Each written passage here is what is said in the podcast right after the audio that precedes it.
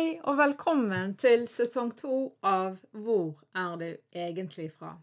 En podkast dedikert til å fremme kulturell mangfold og inkludering.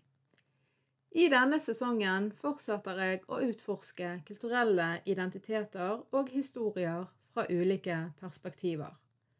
Men vi skal også høre fra gjester som har unike erfaringer med vårt mangfoldige samfunn. Jeg deler av mine personlige erfaringer som kristkulturell, min kunnskap og arbeidserfaringer for at du skal få mest mulig ut av å lytte til podkasten. Er du nysgjerrig, åpen og vil lære, er dette podkasten for deg.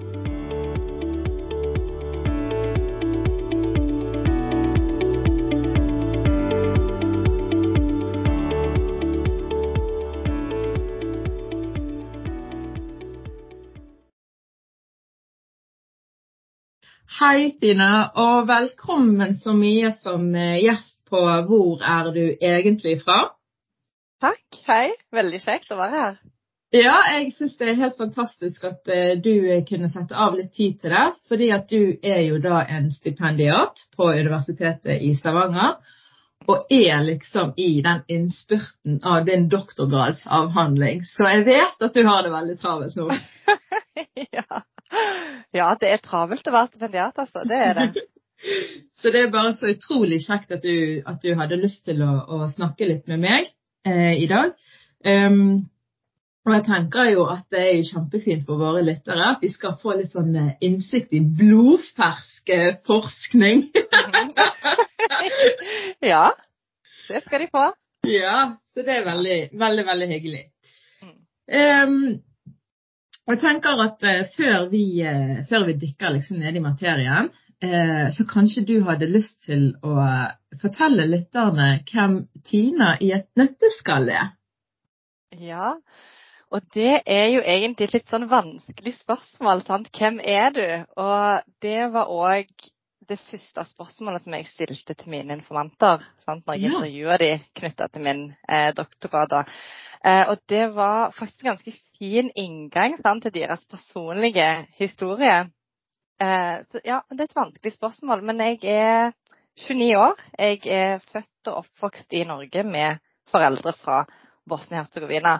Og jeg er utdanna barnevernspedagog, har mm. master i sosialt arbeid og er da nå på mitt siste år som doktorgradsstipendiat ved UiS. Og jeg skriver om hvordan det oppleves for unge med krysskulturell oppvekst å leve med flere kulturer. Eh, så jeg gikk jo på en måte sant, fra videregående, bachelor, master og så doktorgrad. Så jeg er jo litt sånn en evig student og trives eh, veldig godt i akademia, både med undervisning eh, og forskning. Så den venstre delen av hjernen min, den, den liker seg sant, veldig godt eh, der jeg får rom for å være den analytiske delen av meg. Så når jeg er på jobb, så er det den som kobles på. Og så når jeg er ferdig på jobb, da så er det sant, den høyre delen av hjernen, den kreative og kunstneriske delen som kobles på. Og jeg liker veldig godt å male og tegne. Sant? Så jeg er liksom ja, splitta personlighet. ja. det, er greit, det, det er greit å eh, sette en diagnose på seg. Ja, ja. ja, ja. Men det er jo det som er så fint, sant? at du finner litt forskjellige eh, arenaer der du kan få utløp for dine forskjellige styrker og interesser. Mm. Um, og du trives veldig godt i akademiet, sier du? Ja, jeg gjør det. Absolutt. Ja. Jeg trives veldig godt her og kan se for meg at jeg eh, ja, blir her. Mm. Det så kjekt. Ja. Og, og, jeg tenker du gjør jo noe altså Du har jo forsket på noe som det finnes veldig lite forskning på i utgangspunktet, i hvert fall i norsk sammenheng. Og det er jo unge med kristkulturell oppvekst. Mm. Og da tenker jeg at det er jo altså det er en veldig eh, et, Det bør jo være en veldig ettertraktet kunnskap. Og inn Absolutt. i barnevernsfeltet òg. Mm. Ja. ja eh, og det er jo en del sant, kvalitative undersøkelser på, um, på hva, hva, er det de opplever, sant? hva utfordringer er det unge med krysskulturell oppvekst kan stå i. Men så er det jo mye mindre på okay, hvordan oppleves faktisk dette. Sant? Hvordan erfarer de det, og uh, hvordan håndterer de det. Og Derfor har det vært veldig viktig for meg sant, å, å, å intervjue da, sant, og ha en kvalitativ tilnærming til, til dette temaet. da. Og det er jo sånn vi har egentlig funnet hverandre. Det er det. Det vil si, ja. Det vil si at min veileder kom eh, Hun eh, så artik artikkelen din, den første artikkelen som du har skrevet. Og så sendte hun en mail og så sa hun eh, jeg tror at eh, du vil ha eh, nytte av denne artikkelen, og sjekk henne opp. Ok. og så fant vi hverandre. Det er så utrolig deilig å ha flere som, eh, som forsker eh, på noe av det samme, og eh, som har samme engasjement og lidenskap. Mm. Ja. Ja, det er det. Og det er liksom det, det er ikke så Jeg kjenner jo ikke så mange sant, som forsker på akkurat det samme som jeg gjør. Sant? Og det at du tok kontakt, og at vi kan liksom utveksle meninger og refleksjoner rundt dette temaet, er jo bare helt sant, supert. ja, det er så Ja, ja. fint. ja, ja. Og nå er du her på podkasten. ja nå er jeg her. ja, det er så fint. Yes. Um, du, du sa kanskje noe om det nå i sted, men, men hva vil du si var den viktigste motivasjonen eh, for å begynne på, på en doktorgrad? Eh, ja, altså når jeg gikk første året barnevern, eh, så fikk vi en opp, altså, som oppgave å skrive ned sånn, hvor vi så oss sjøl. Jeg vet ikke om det var ti år, men sånn en gang fram i framtida. Da. Og da skrev jeg faktisk ned på det arket at eh, jeg skulle bli ferdig med doktorgraden min, så skulle jeg ta en master, og så skulle jeg ta eh, en doktorgrad. Eh, så det klarte jeg jo på en måte å manifestere. Jeg vet ikke helt hvor motivasjonen kom fra da, men det var jo et mål, da. Eh, men jeg syns det var veldig interessant å være i en slags sånn eh, forskerrolle når jeg skrev masteroppgaven. Og da intervjua jeg òg eh, ni unge voksne med krysskulturell oppvekst. Eh? Så det å høre på livshistorien til andre mennesker og ha muligheten til å kunne løfte fram disse historiene, det, det fikk jeg veldig sansen for, da, for det var viktige stemmer. sant? Og så er det en viktig, altså det er viktig kunnskap som produseres i en sånn eh, interaksjon, da. Så det var noe jeg ville fortsette med. En annen ting er jo at jeg vet hvor viktig utdannelse har vært for foreldrene mine. Eh, og det å se oss, eh, meg og min bror, lykkes. sant? Eh, og jeg må nok takke de for at jeg er der jeg er i dag. Eh, for jeg hadde nok valgt noen andre veier i livet hvis det ikke hadde vært for de. Eh, Så de så nok noen muligheter og ressurser i meg som jeg gjerne ikke så i meg sjøl, da. Eh, var lett for virkelig sant, å kunne velge veier som andre gjorde, da. så, eh, så jeg er veldig glad for at de pusha på det, da. Um, og, og det å klatre på en måte i den akademiske stigen og se hvor stolt de har vært langs veien, har jo vært en, sant, en motivasjon, da.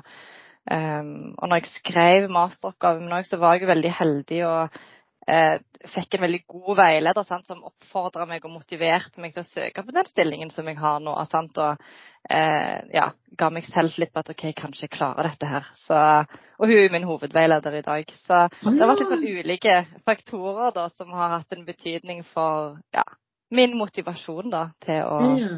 til å gjøre dette. Mm. Jeg hører jo at det er sånn det er ulikt meg, da, så har du hatt en sånn eh, så, eh, liksom du, Mm. du har hatt planen klar for hva du skal gjøre. Men jeg har ikke sånn Gud, hvor blåser Ja. vinden i dag? Hva skal jeg finne på i dag, da? Og jeg har bare havnet der jeg har havnet. Litt sånn tilfeldig, egentlig. Ja. Men er det tilfeldig? Altså, ja og nei. Det, det, det, det er nok ikke så tilfeldig, for det handler jo om interesser og, og hva man ønsker å, å bidra med, selvfølgelig. Men, men at jeg landet liksom de forskjellige jobbene og doktorgrader. Jeg hadde aldri tenkt på doktorgrader. Hva er det for noe? Og hva kan jeg bruke en doktorgrad til? liksom? Jeg Ja, ja. bare skjønte det ikke. Men så har jeg hatt folk rundt meg som har på en måte eh, pushet litt, sant? Og, altså på en positiv måte, og, og motivert for og snakket om. Så de sådde liksom et lite frø som bare sakte, men sikkert har på en måte fått spiret. Da. Så ja. Jeg er utrolig glad for det. da. Jeg er veldig Ja. glad for alle, eh, alle steg jeg har tatt, og alle veier jeg har gått, og at jeg er der jeg er i dag. Jeg er utrolig fornøyd med, med å ta en doktorgrad, da. selv om eh, det er krevende. Ja, absolutt. Men det som er så morsomt, det er jo sånn når du forteller folk at eh, ja, jeg tar en doktorgrad. Å ja, du er doktor. Liksom sånn, sånn, de, de, tenker medisin med en gang. Ja. Så det er jo, Jeg vet ikke hvor mange ganger jeg har måttet liksom fortelle hva det egentlig innebærer. sant, Å ta, eh, ta en doktorgrad. da. Ja, Men altså, folk, folk kan godt tenke at jeg er en lege. Det går fint, det. sant? Altså, Ja, for det. er jo av og til om det er, sant? Ja. Altså, ja, så dette, jeg skjønner jo at eh, man blir litt forvirret, men det, jeg tenker det samme. De må bare kalle meg for doktor, sa Jan. ja, ja. ja, ja, absolutt. Ja. Eh, Men eh, du sa jo noe om her og hva du egentlig hadde lyst til å bidra med med din doktorgrad, da, og det er jo å få ut disse stemmene som Mm. kanskje ikke har fått så veldig mye plass før. Og det med å eh, faktisk forske på hvordan oppleves det å vokse opp i flere kulturer. Mm. Det er jo eh, eh, Dette tenker jeg er veldig gode, fin, viktige og gode bidrag til kunnskapsfeltet. Mm, absolutt. Og for oss som er ja, barnevernspedagoger, sosionomer, lærere, for oss som, som er og jobber med barn og unge, så er det viktig sant, å være bevisst over og ha kunnskap om hvordan unge opplever utfordringer knytta til sin krysskulturelle bakgrunn og oppvekst.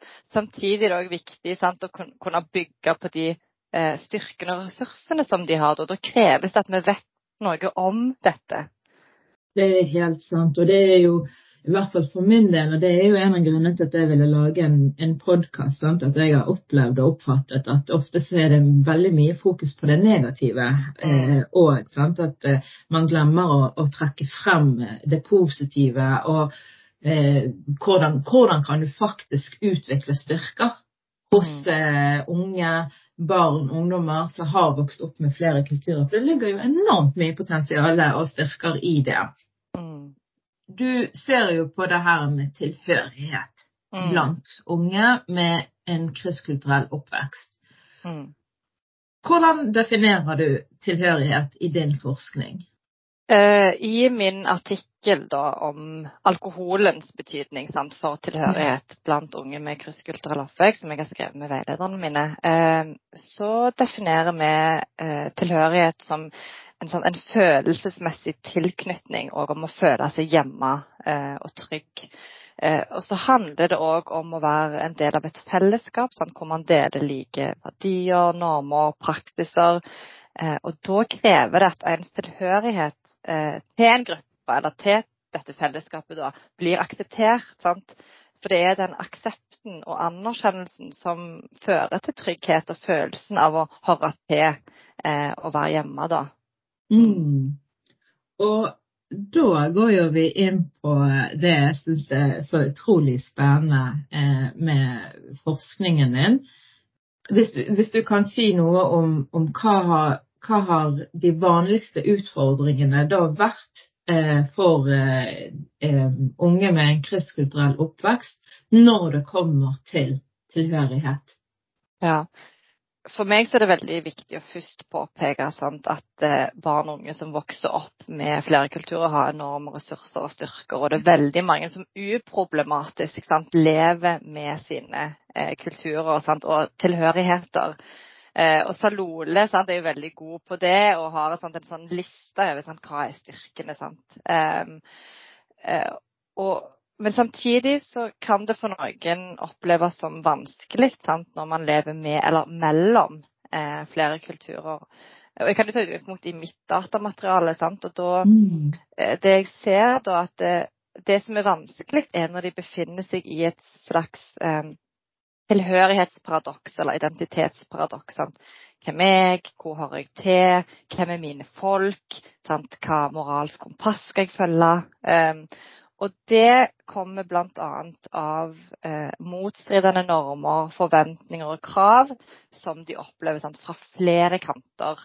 Eh, og dette kan for noen være veldig sammensatte og, og komplekse eh, utfordringer. Eh, fra storsamfunnet så kan de oppleve rasisme, diskriminering, annengjøring. Eh, og det er det flere av mine deltakere som forteller om. Eh, I tillegg så opplever de motstridende forventninger fra sant, på den ene siden storsamfunnet, jevnaldrende venner, og på den andre siden familien og de miljøene som eh, familien er en del av. da. Eh, og det, de trekker, det mine informanter trekker fram som på en måte det som er mest utfordrende, det er alkohol.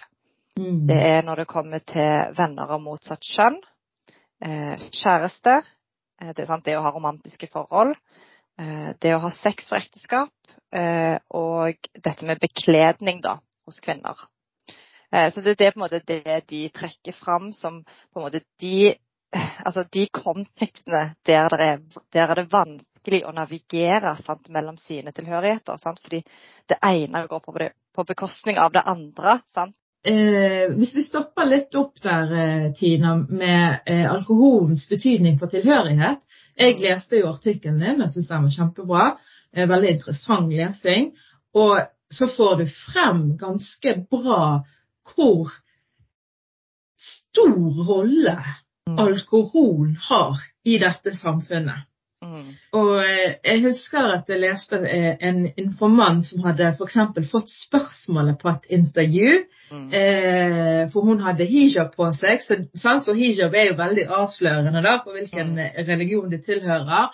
Og da var det en sånn slutning på at å ja, men da kan jo ikke du delta på eh, eh, sosiale sammenkomster med jobb. Altså det var noe i den duren. Ja. Og, og jeg tenkte bare Er det et spørsmål som man får på et jobbintervju? Og det, for meg var det veldig sånn Så stor rolle har denne alkoholen. Eh, så ble jeg litt slått ut av det, altså, det, det sitatet der. Men kan ikke du fortelle litt om, om eh, Mm. denne artikkelen som du har skrevet? Altså det sitatet var jo at sant, eh, Betyr hijaben at du ikke kan være med på julebord?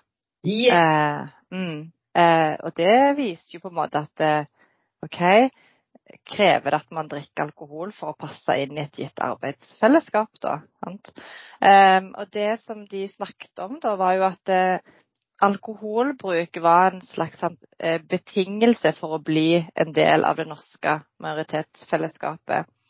Um, og det var flere som opplevde at OK, hvis jeg ikke drikker alkohol, så kan jeg ikke være en del av dette fellesskapet her. Og noen opplevde òg at eh, deres norskhet ble avvist. Sant? 'Å ja, jeg trodde du var mer norsk.' Sant? Når det kom informasjon fram om at 'OK, jeg drikker ikke', så på en måte det responsen. Sant? 'Å ja, jeg trodde du var litt mer norsk'. Og så Mm. i artikkelen så stiller jeg spørsmål til OK, men hvis det hadde vært sant, en, en, en norsk kristen ungdom, så kan den òg bli kategorisert som tradisjonell eller kjedelig. sant? Men jeg vet ikke nødvendigvis om norskheten hadde blitt avvist. sant? Ja. Mm. Eh, så det er mm. sånn, ja, en ekstra dimensjon her sant? når du har en krysskulturell bakgrunn. sant? Mm. Og spesielt når, når, du har flere sosiale kategorier som gjør at du kan bli utsatt for annengjøring. Sant? At du sant, er eh, en religiøs, muslimsk, eh, somalisk kvinne. Sant? ja. At det er flere faktorer som gjør at du eh, opplever deg eh, opplever å bli annengjort av andre. Mm. Og det er jo litt det eh, Lill Salole som du refererer til, også Mm. snakker om. sant? Eh, og og eh, de som har eh, de som på en måte har vel, gått veldig inn i det her med kristkultur, eh, eh, David C. Pollock og Ruth Mm. van Reken, sant? at sånn som du påpeker, du kan være Hva skal vi si eh, blond, eh, blå øyne, eh, ha et veldig norsk navn men ikke drikke fordi at du er kristen. Og så, vil det aldri være et spørsmål om du hører til Norge eller ikke. Mm. Sant? Men det er mer 'Å ja, du, du eh, tilhører det miljøet der. Å ja, du er kristen. Ja, du er kjedelig.' sant? Mm. Mens med en gang du, du har da disse andre kategoriene, det er, en, det er en mørkere hudfarge, det er bekledning, det er et annerledes navn, noe annet, da. sant? Mm. No, noe, noe som er litt annerledes, da blir det plutselig et spørsmål om hører du til her eller ikke. Mm. Og det, og det, det, det er fascinerende, men, men det er jo det, det der um, som jeg har snakket om før, at, uh, at vi, vi er vel der at vi trenger å utvide normene våre for hva Mm. er det som er norsk, og hva som ikke er norsk. Ja. Ja, Mm. altså det, jeg, Den artikkelen traff meg veldig. altså jeg, jeg tenkte, du- ja, Du toucher inn på noen veldig viktige problemstillinger der. Og så blir det jo ekstra vanskelig for dem da, sant? når det på den ene siden forventes at de skal drikke for å passe inn, og så på den andre siden så, så er det noen forventninger blant familien og miljøene som familien er en del av, da, om at de ikke skal drikke alkohol. Og Det er jo der dette krysspresset kommer. Og det er da spesielt tilhørighet sant, blir vanskelig. Identitet Mm. og tilhørighet. Sant? Hvem er jeg, og hvor, hvor hører jeg til? Det blir vanskelig å navigere, sant? fordi mulighetsrommet blir så smalt for å kunne navigere sine tilhørigheter. Mm. Og så tenker jeg at det er jo eh, Nå går jeg kanskje litt sånn utenfor, men, men jeg tenker jo at eh, det er jo en del av det å være ungdom òg, å Mm. teste ut og prøve Mm. ut. Og, og hvis ikke det er aksept for det i heimen, så blir jo det òg enda en sånn blir enda mer vanskelig da å navigere i det landskapet landskapet der. Ikke det forståelse for eh, fra heimen av at ja, det her er en del av det å være ungdom i en norsk kontekst. Mm. Mm. Ja. Så de har jo ulike måter sant, å håndtere dette på. Noen velger jo å ikke drikke sant, fordi at de sjøl ikke vil, eller fordi at de eh, ikke har rom for å prøve det ut, sant, sånn som du sier. Eh, mens andre velger jo sant, å gjøre det, å drikke alkohol, men skjule det. Men sant, da er de hele tiden oppmerksom på at de ikke blir observert, ikke blir sett. Sant, Mm. og hva er da Mm. konsekvensene hvis jeg blir oppdaga. Så de, er, de går inn og ut av roller. Mm. Mm. Det er jo dette her eh, eh, famøse dobbeltliv-paradokset som, Mm. ja, eh, som ofte er et tema for, for unge med en kristkulturell oppvekst. Mm. Um, hva tror du da er noen av de viktigste tingene vi kan gjøre, eller viktigste faktorene som kan bidra til et mer inkluderende eh, og mangfoldig samfunn for, for unge med en kristkulturell oppvekst? Ja, jeg tror at en stor barriere for sosial inkludering i vårt samfunn er sant, det vi, vi snakket om nå, med sant, eh, diskriminering, rasisme, fremmedgjøring, fordommer. Og jeg tror at det krever at vi alle reflekterer over egne sant, holdninger, verdier og fordommer, og blir kjent med oss sjøl. Og stiller spørsmål til hvorfor tenker jeg sånn som jeg tenker. Sant? Hvis vi tar utgangspunkt i den artikkelen om alkohol. Da, sånn, hvorfor er det noen som tenker at uh, man er ikke norsk nok hvis man ikke drikker alkohol? Eller hvorfor er noen kjedelige og tradisjonelle hvis de ikke drikker alkohol? Så hvordan kan vi endre oss sjøl i møte med andre som ikke alltid tenker det samme som oss? da? Ja. Og det går jo selvfølgelig begge veier. Eh, og jeg tror jo at det er viktig å møte hverandre med nysgjerrighet sant, framfor kritikk. Eh, og det Mm. krever at man har en slags eh, ja, refleksiv holdning til seg sjøl, eh, om egne verdier, eh, fordommer, normer osv. Eh, ja, at man ser litt innover seg sjøl, da.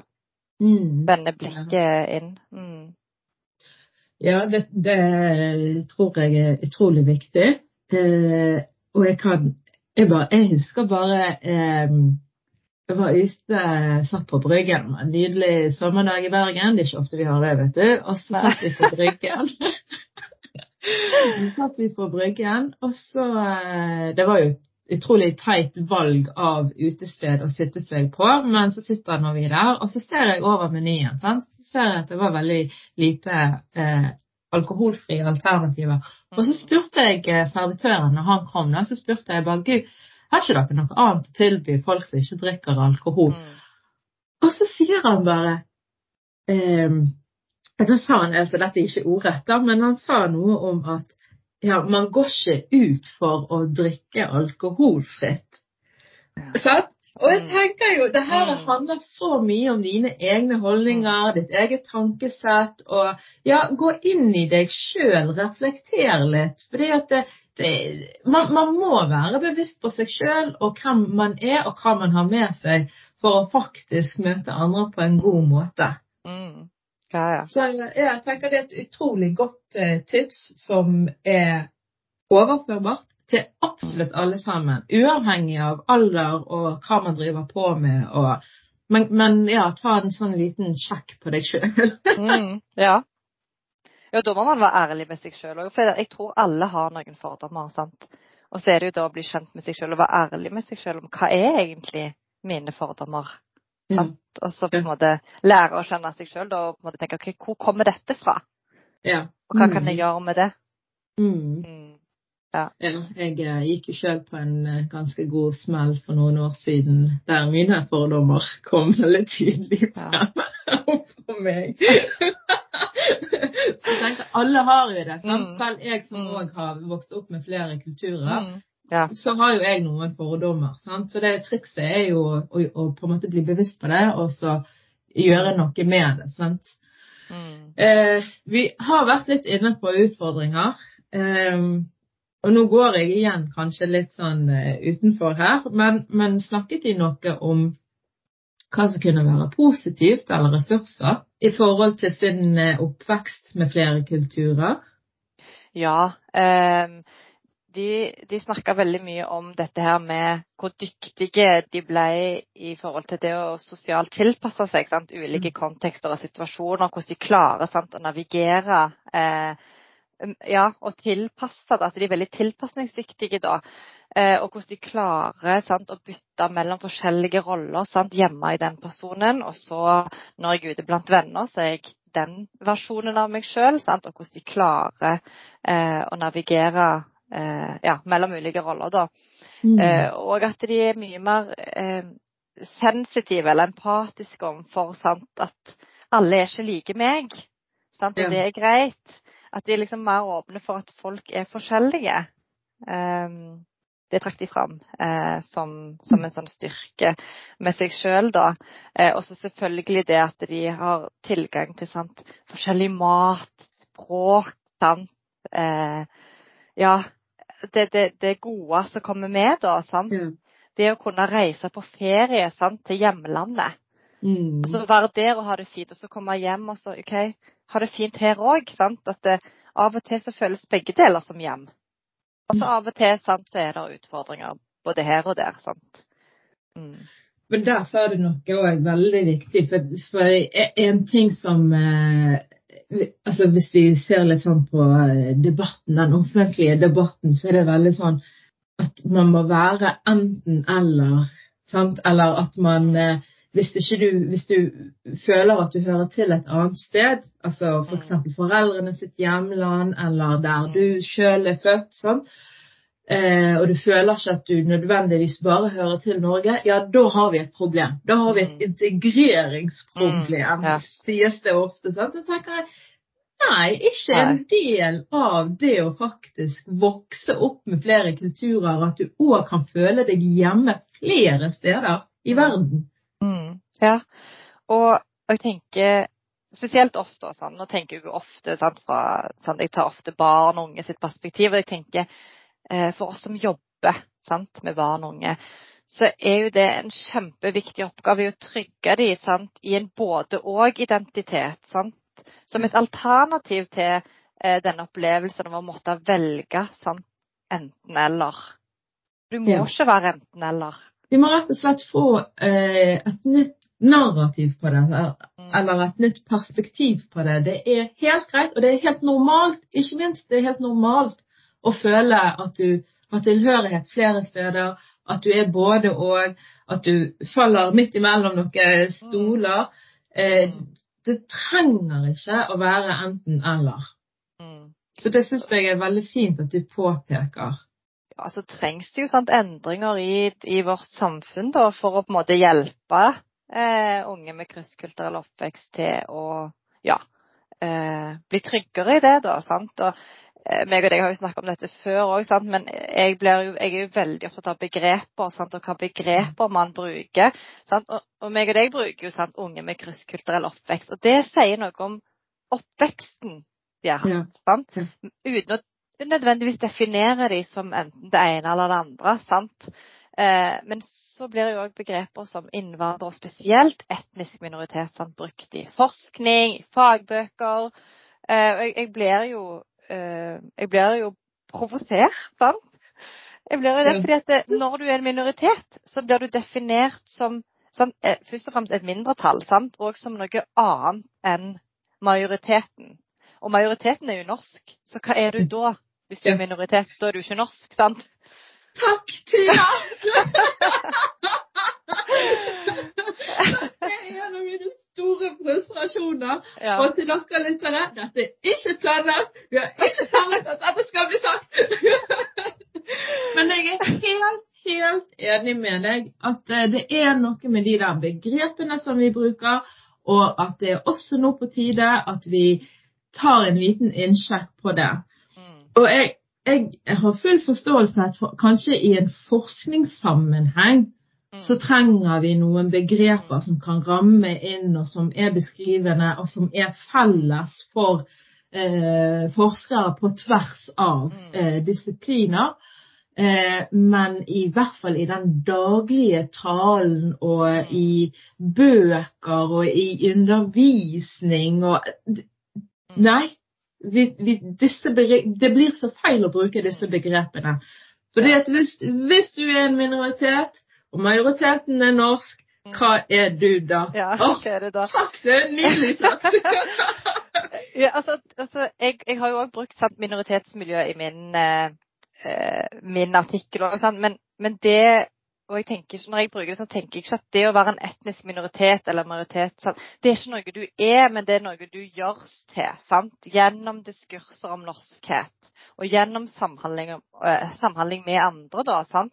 Det er jo en sant, sosial konstruksjon. sant? Du er ikke en minoritet i deg sjøl, men du blir gjort om til det. sant? Ja. Det, det, Mm. gjør, altså, sant, det, det doing perspective, sant, som ofte også blir brukt i, i, i forskning. Men, men det som er viktig, er jo at de sjøl får lov til å definere hvem de er. Jeg, Mm. jeg hadde blitt fly forbanna hvis jeg hadde blitt definert som en minoritet. sant?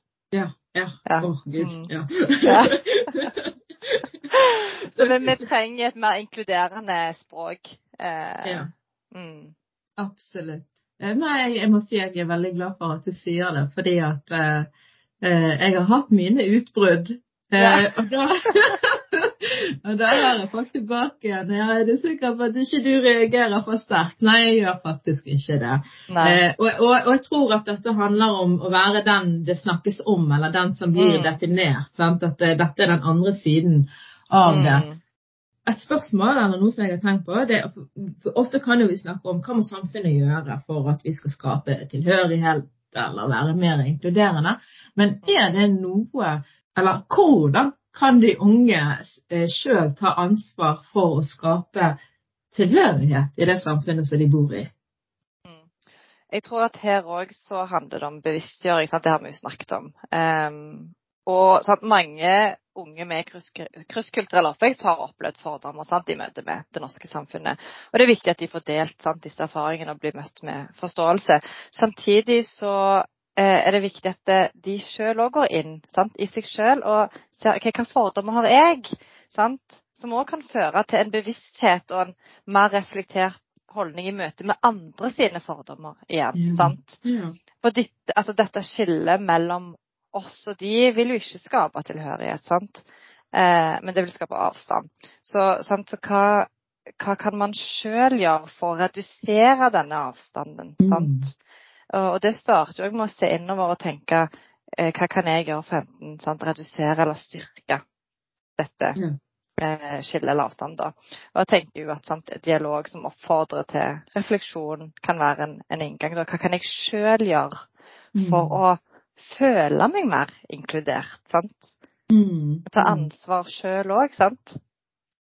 Ja, og, og da tenker jeg bare altså når, når, du snakker nå, så tenker jeg bare egentlig så har jo barnehager og skoler en utrolig Mm. viktig Ja. oppgave.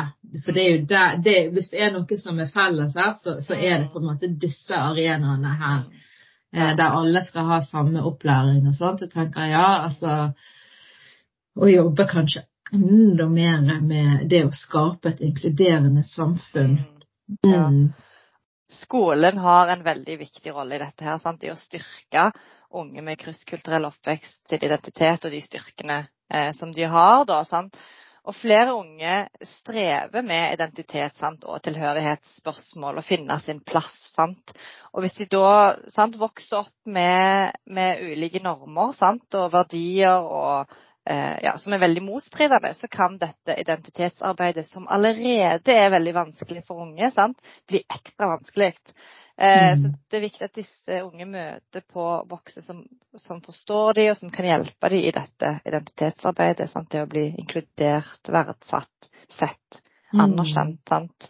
Og man Mm. kan ja, ja, for å fremme sant, inkluderende og mangfoldig læringsfellesskap da, sant, på skolen.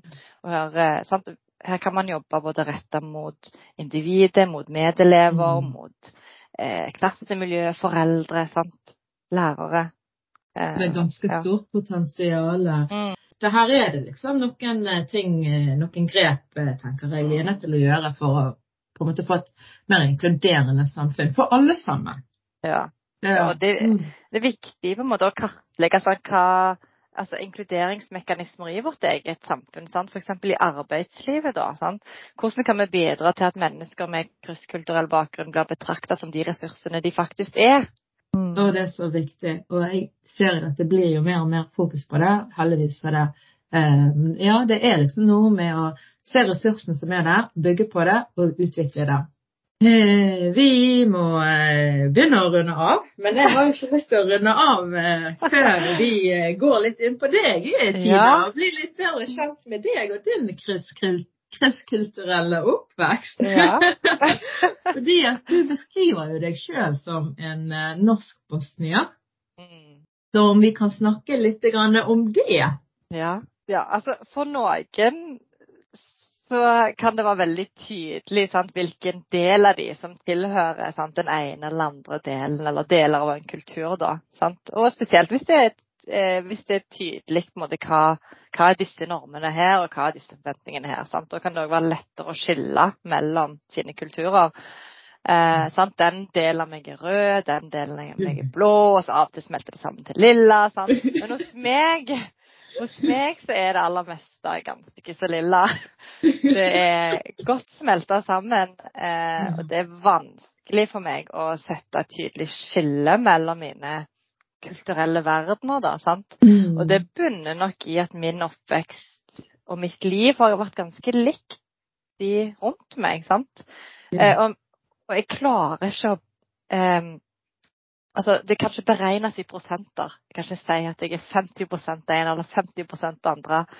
Fordi hjemme for meg kan liksom Det kan være så mye. Det kan være å ligge i sofaen med venninnene mine og se på Harry Potter-maraton, for der er det trygt og godt. Eh, det kan være med foreldrene mine og broren min sant? når alle er samla. Og så kan det være når jeg sitter på et fly på vei til Bosnia, og det detter en sånn lykkerus over meg. sant? Nå skal jeg hjem. Selv om jeg har reist hjemmefra, så skal jeg hjem til mitt andre. sant? Det er liksom begge deler er hjemme. Um, så jeg tror at det, det kan liksom være alt fra mennesker til steder, til lukter, til mat, til drikke. sant? At det, Mm. ja. Um, så tilpasser man seg jo litt sånn eh, der man er. sant? Når jeg er i Bosnia, så, så, er jeg, så forholder jeg meg gjerne på en annen måte til eldre mennesker. sant? Eller jeg er mer åpen, jeg snakker mer med ukjente. Og så kan jeg komme hjem, og så snakker jeg plutselig ikke like mye med den personen i klassen. sant? Og så, er det litt, så kan det være litt tydelig av og til. sant? Når jeg kommer hjem fra Bosnia, da, så tenker jeg OK, eh, det er noen ting som endrer seg. sant? Uavhengig av, eller avhengig av hvor jeg er henne, da. Eh, men men det, er, det er godt smelta sammen hos meg, altså. Det vil jeg si. Altså, jeg tenker dette er jo suksesshistorien. Ja, ja. Og det er jo bare Det er så utrolig fint å høre. For jeg tenker Vi trenger å høre flere sånne historier. sant? altså, sånn som foreldrene mine sier, sant? når jeg gikk i barnehagen, sant? så snakket jeg jo norsk, og så kom de og henta meg, og så bare snudde de meg, og så bare snakket jeg på bosnisk til de. Sant? Så det ble veldig sånn Navigert allerede sant? fra jeg var liten av på å på måte Mm. balansere mellom dette her. Og så ble det liksom aldri noen tydelige skiller. sant? Det er jo mer sånn OK, mat og språk, sant, og typ sånne ting.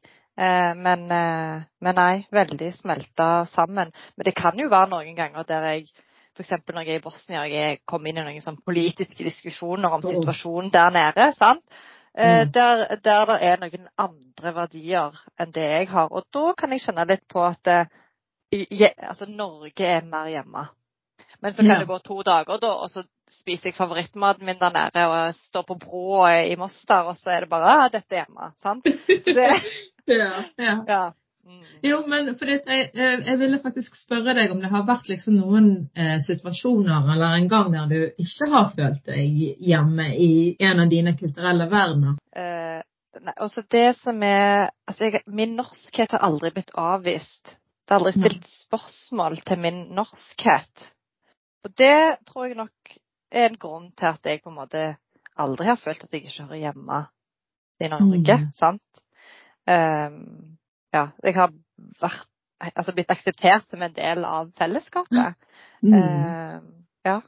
Og jeg tror jeg har vært heldig, og samtidig så, så, så Jeg blender kanskje litt mer inn, på en måte. Det er, det er vanskelig å vite at jeg har en krysskulturell oppvekst, med mindre jeg sier det eller du sa etternavnet mitt.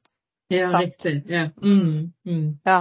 Jeg, går jo, jeg blir jo av og til kalt for en utlending i Palestina. sant? Og jeg snakker jo Mm. arabisk, og jeg snakker veldig godt arabisk, men jeg har en aksent. Mm, Sånn, så de kan, ja. de kan catche det med en gang. At bare, Å, du Ja. har ikke vokst opp her! Du, din Ja, utlending! ja. Ja.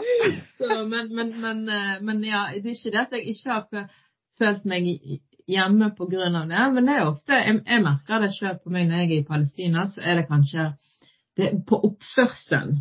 Mm. Jeg har kanskje en mer eh, norsk oppførsel. Jeg må tilpasse meg den konteksten jeg er i. Sånn, For eksempel sånn typisk at eh, når man får besøk, så går mennene inn i ett rom, og kvinner i ett rom, og eh, i hvert fall på Vestbredden, der min mor eh, er ifra. Og det er sånn som jeg Åh, Kan ikke vi bare sitte sammen? Ja. Alle sammen. Og jeg liker jo altså, Jeg foretrekker av og til mer enn menn sitt selskap Ja. enn damene sitt. Jeg syns mennene snakker da om litt mer interessante ting enn matlaging og eh, ja, hus og hjem. Ja.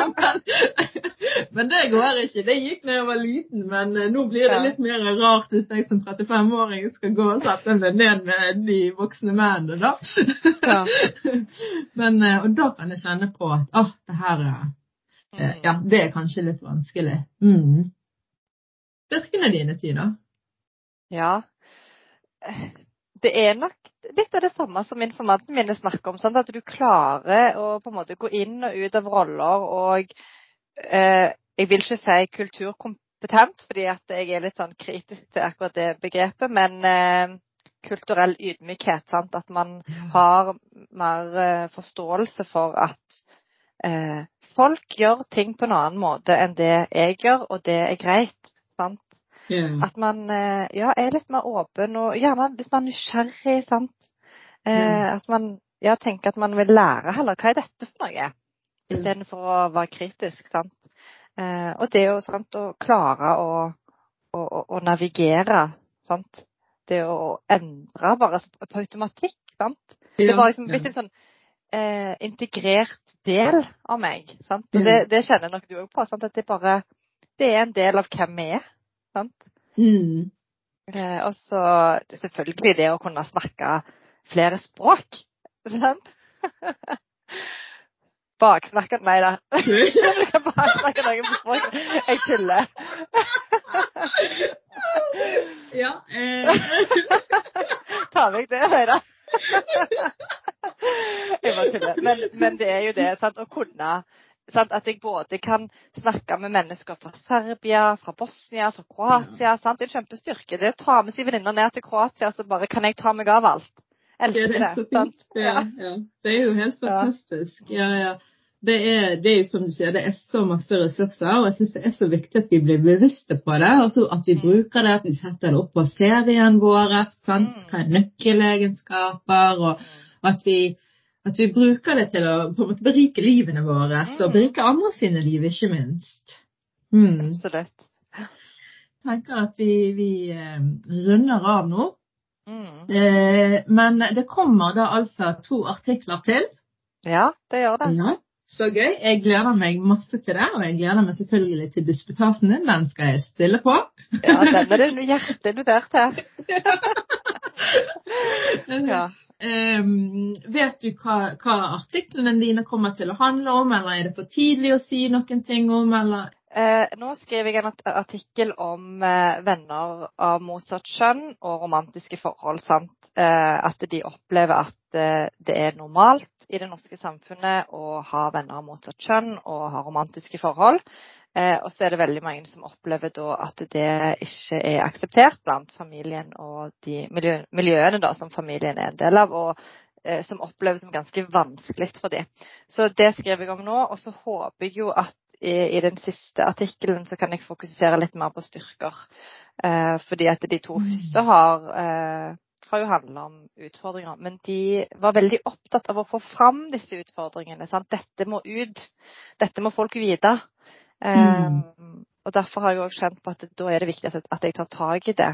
Eh, og løfter de utfordringene mm. som de trekker fram, da. Mm.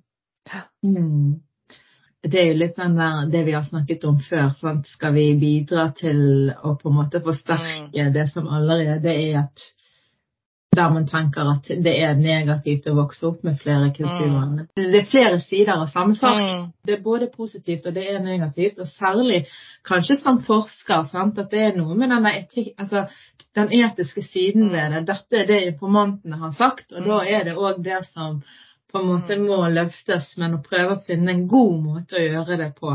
Mm. Men helt, helt til sist ehm, så er jo det sånn at jeg er jo på en eh, misjon for å gjøre verden til et bedre sted. Ja. Eh, ja. Og da lurer jeg på, har du ett tips til hvordan vi kan bidra til en bedre verden? Ja, ett tips. Det er vanskelig å holde seg til etter. Men altså, det går mye altså, på det som jeg allerede har snakket om i dag. Sant? Det å vende blikket innover og tenke hva er det jeg sjøl kan gjøre for å bli et bedre menneske? Sant? Hvordan kan jeg sjøl være mer forståelsesfull, nysgjerrig, ikke dømmende i møte med andre? Og så handler det veldig mye om de små tingene. Se opp mer. Sant? Smil til ukjente. Si hei når du går forbi noen. Eh, ikke bare på fjelltur, sant? Men, men se menneskene rundt deg. Um, gi, ja, altså, gi komplimenter til ukjente. Slipp flere, flere, foran deg i køen. Sant? For godhet smitter, sant? og kanskje den personen som du sa hei til, sier hei til neste person de går forbi mm. igjen. Jeg tror at det er de der små tingene i hverdagen som kan utgjøre store forskjeller. Mm. Det er mitt, mitt ene store tips. Ditt ene. ja. Var, det var mange ting som var pakket inn i ja. det. Veldig bra, Tina. Du kunne vært med politiker òg. det, det holder jeg meg vekke fra. Nei, men nå hører dere det, folkens. Eh, godhet, det smitter. Eh, vær raus med hverandre. Og vend blikket innover. Tusen takk, eh, Tina, for eh, innsikt i, eh, i, forskningen din, for at du har delt noen av dine egne personlige erfaringer. Tusen, tusen takk. Ja, tusen takk for at jeg fikk komme. Det var veldig kjekt. Vi snakkes igjen. Ja, vi gjør det. OK. Ha det bra. Ha det. Takk for at du har lyttet til denne ukens episode av Hvor er du egentlig fra? Håper du likte den. Og hvis du gjorde det, setter jeg stor pris på at du liker, deler og følger podkasten. Takk for meg!